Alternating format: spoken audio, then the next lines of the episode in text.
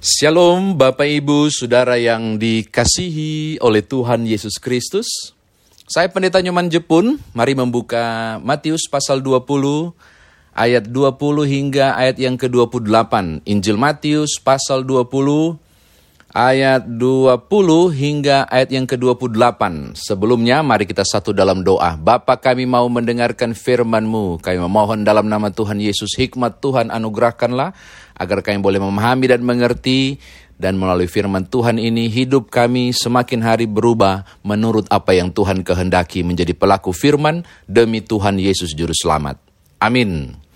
Injil Matius pasal 20 ayat 20 hingga ayat yang ke-28 berbunyi demikian. Maka datanglah ibu anak-anak Sebedeus serta anak-anaknya itu kepada Yesus lalu, lalu sujud di hadapannya untuk meminta sesuatu kepadanya. Kata Yesus, apa yang kau kehendaki? Jawabnya, berilah perintah supaya kedua anakku ini boleh duduk kelak di dalam kerajaanmu yang seorang di sebelah kananmu dan yang seorang lagi di sebelah kirimu. Tetapi Yesus menjawab, katanya, kamu tidak tahu apa yang kamu minta. Dapatkah kamu meminum cawan yang harus kuminum? Kata mereka kepadanya, kami dapat.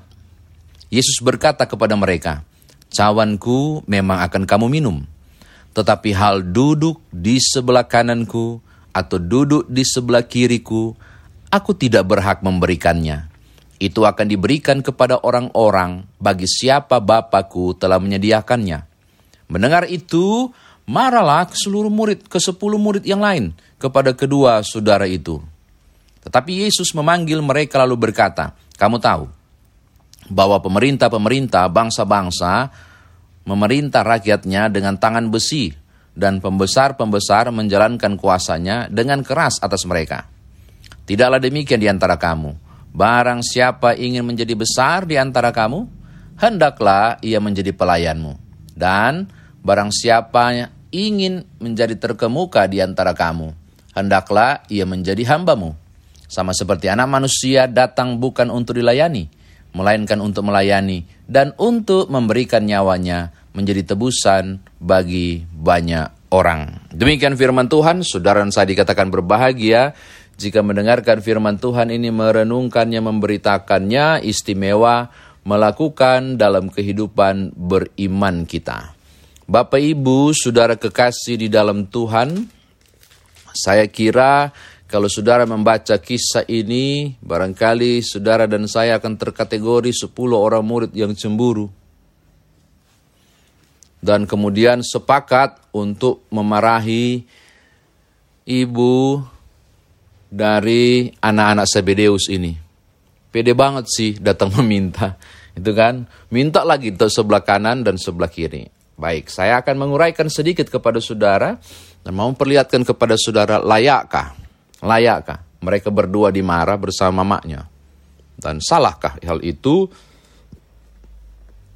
Bapak Ibu, saudara kekasih dalam Tuhan, istri Sebedeus itu namanya Salome. Dia punya anak Yakobus dan Yohanes. Salomo ini eh sorry, Salome ini istri Sebedeus ini salah satu perempuan yang menyediakan keperluan Tuhan Yesus. Saudara bisa baca Matius 27 ayat 15, Markus 15 ayat 40 sampai 41 atau Markus 16 ayat 2. Jadi hubungannya dengan Yesus cukup dekat Salome ini karena memiliki akses menyediakan seluruh keperluan yang dibutuhkan oleh Yesus dan kelompok 12. Nah, kisah ini terjadi setelah pemberitahuan ketiga. Coba Bapak Ibu lihat ya, pemberitahuan ketiga itu Matius 20 ayat 17, saya akan mati. Kan begitu Yesus bilang toh, akan dihina, dianiaya, dan kemudian pada hari ketiga baru bangkit. Apa reaksi Petrus waktu pertama kali dengar berita ini? Dia tegur Yesus kan. Dan dia bilang kiranya Allah tidak Allah menjauhkan hal ini kepadamu dan dia bilang enyalah iblis kata Yesus kepada Petrus. Lalu apa reaksi Salome? Ini menarik Bapak Ibu. Pas habis dibilang gua akan mati. Dia dia luar biasa loh. Alkitab berkata di ayat yang ke-20, datanglah ibu-ibu Salome langsung sujud menyembah Yesus dan bilang perintahkanlah anak-anakmu anak-anakku supaya bisa duduk di sebelah kanan dan sebelah kiri. Bapak Ibu tangkap maksud saya ini iman yang luar biasa. Yesus berkisah tentang kematiannya. Salome menafsirkan dengan iman itu berarti Yesus adalah Tuhan. Canggih nggak cara berpikirnya mamanya Salome? Kalau bapak ibu yang di eh, mam, eh mamanya Yakobus dan eh, Yohanes yang namanya ibu Salome ini, kalau bapak ibu diberitahukan sekarang Yesus akan mati dan bangkit, feeling bapak ibu apa? Yesus raja tuh, sudah aman lah. Kenapa? Karena kita tahu dia bangkit. Ibu Salome nggak tahu, Petrus saja nggak tahu. Tapi imannya luar biasa loh. Ketika bicara bahwa rabi, guru akan mati, imannya naik. Berarti Yesus adalah Mesias. Yesus adalah Raja. Jadi ketika saudara mau menghakimi Salome jangan dulu. Ini imannya luar biasa. Dia langsung datang. Tuhan, jika engkau kelak sudah jadi raja di atas segala raja, tempatkanlah, perintahkanlah anak-anakku supaya di sebelah kanan dan kiri.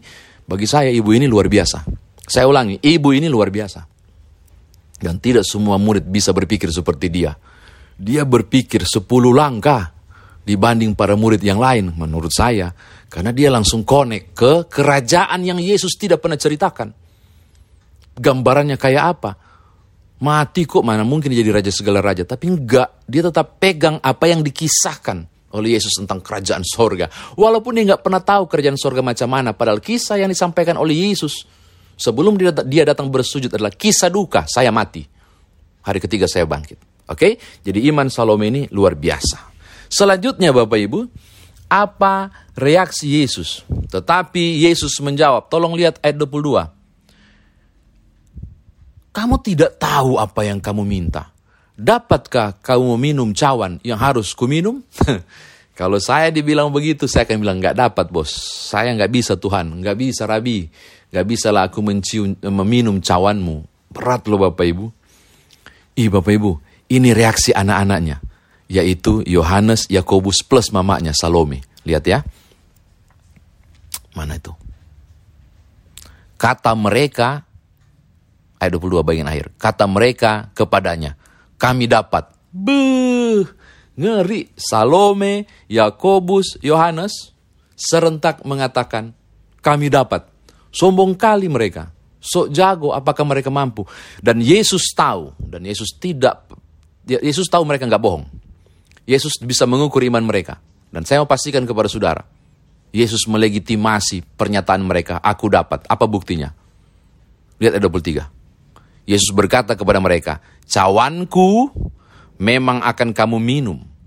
Tetapi hal duduk di sebelah kanan kiri itu urusan Bapa. Saudara tangkap? Yesus tahu iman mereka dan hebatnya mereka ini Salome, Yakobus dan Yohanes. Yesus tahu kemampuan mereka, Yesus tahu kesediaan mereka berkorban. Dan Yesus bilang, betul, kalian memang mampu meminum cawanku. Artinya betul, kalian mampu meminum penderitaan itu. Oh, ini luar biasa Bapak Ibu. Jadi sebelum menghakimi Yohanes dan Yakobus, oh saudara harus lihat. Mereka luar biasa di mata Yesus loh. Yesus membenarkan memang mereka mampu. Mereka mampu loh. Wah, ini catatan saya yang berapa tadi? Dua. Yang ketiga Bapak Ibu, dimarahin. Sepuluh orang marahin. Lihat ayat 23 bagian akhir. Sepuluh orang marahin dua orang ini. Yakobus dan Yohanes dimarahin oleh sepuluh yang lain. Termasuk pasti Petrus yang marah-marahin. Tapi lihat jawaban Yesus ayat 25 sampai 26. Yesus memanggil mereka lalu berkata, "Kamu tidak tahu perintah kamu tahu bahwa pemerintah-pemerintah bangsa-bangsa memerintah rakyat dengan tangan besi. Tidaklah demikian, ayat 26. Di antara kamu, barang siapa menjadi besar di antara kamu, hendaklah ia menjadi pelayanmu. Dan barang siapa yang ingin menjadi terkemuka di antara kamu, hendaklah ia menjadi hambamu. Sama seperti anak manusia datang bukan untuk melayani, melainkan untuk bukan untuk dilayani, melainkan untuk melayani. Untuk memberikan nyawanya menjadi tebusan bagi banyak orang. Wih. Mundurkah mereka? Tidak Bapak Ibu, saya mau kasih tahu saudara. Perintah ayat 25 sampai 28. Yakobus, Yohanes, dan Salome maju. Kalau saudara tahu siapakah murid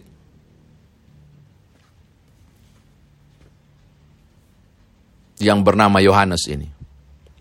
Yohanes ini dia sebenarnya murid Yohanes Pembaptis. Jadi jangan lupa jangan yang bingung-bingung ya. Yohanes eh, anak Sebedeus ini sebenarnya adalah murid Yohanes Pembaptis.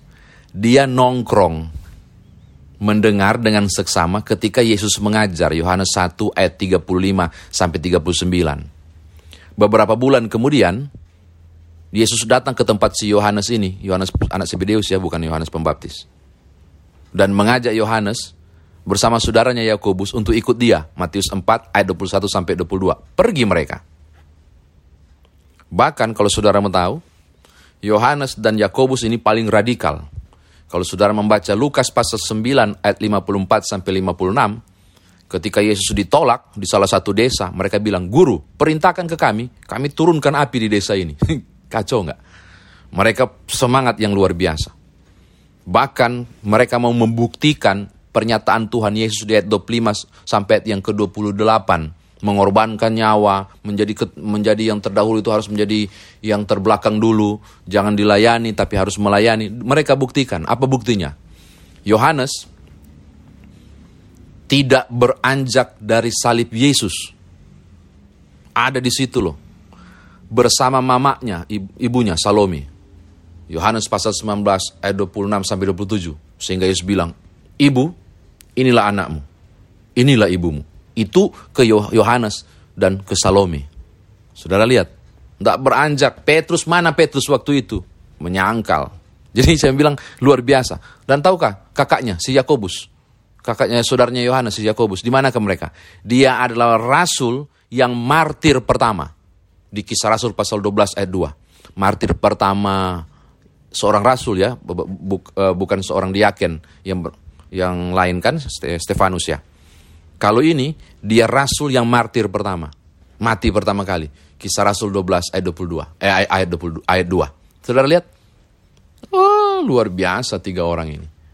Dan saya kira, saya nggak tahu ya, apakah mereka dapat posisi di kiri atau kanan. Soalnya yang menentukan itu bukan Yesus, tapi Bapaknya. Yesus mengatakan itu, mengapa? Karena dia dalam misi penyelamatan. Otoritas masih ada di tangan Bapaknya ketika dia menjadi manusia. Belum punya itu otoritas itu tetap ada pada Bapaknya. Saya kira demikian firman Tuhan ditafsirkan bagi kita. Nah sekarang bagaimana kita bawa dalam hidup beriman kita. Saya mau ajak yang pertama Bapak Ibu jika saudara diperhadapkan dengan kekacauan, jiwa saudara terancam. Engkau harus meninggalkan segala kemewahan dan kenikmatan kehidupan. Atau pilihannya membuang salib, meninggalkan iman, supaya tetap bertahan dalam kenikmatan kehidupan. Apa pilihan saudara? Salib Kristus atau kemewahan, kelimpahan, dan kenyamanan? Saya kira saudara akan berkata salib Yesus. Nah, kalau lip service paling gampang untuk mengatakannya. Saya juga akan mengatakan itu. Saya berharap kiranya Tuhan memampukan saya untuk mengerjakan apa yang saya katakan. Tidak mudah Bapak Ibu, tidak mudah. Tapi Salome bersama kedua anaknya Yakobus dan Yohanes. Wow, mereka maju. Mereka menunjukkan tekad yang luar biasa sebagai pribadi yang layak di kerajaan sorga. Yang kedua, Yakobus dan Yohanes nggak jadi seperti itu kalau mamanya nggak jempolan. Yakobus dan Yohanes nggak akan seperti itu kalau ibunya nggak luar biasa. Dan terbukti memang Salome punya iman luar biasa sebelum mengenal Yesus sekalipun. Dia sudah didik anak-anaknya. Itu terbukti anak-anaknya melakukan pembelajaran dan menjadi murid Yohanes Pembaptis kan. Jadi memang ibunya dulu luar biasa. Satu generasi uh, teguh iman dan kokoh. Saya kira peran utama ada pada orang tua. Maka saya mau katakan hal yang sama kepada Bapak Ibu Saudara. Didiklah anak-anak kita. Untuk menjadi Yohanes dan Yakobus. Bukan soal kiri dan kanan, kerajaan sorga. Tapi iman yang jempolan dan kokoh, yang teguh kepada Allah. Jadilah Salome yang mewariskan iman kepada generasi berikutnya.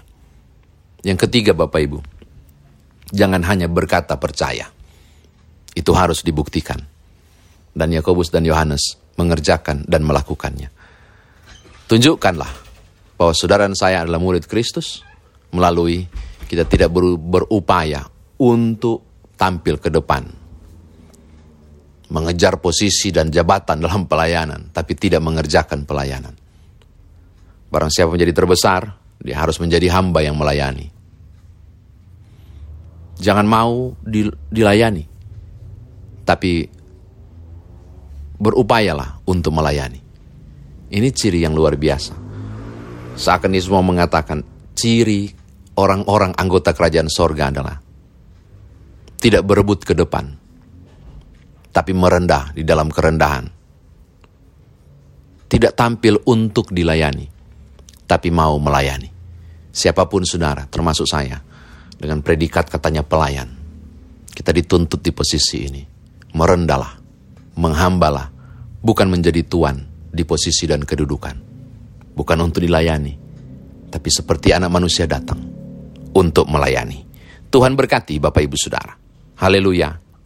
Amin.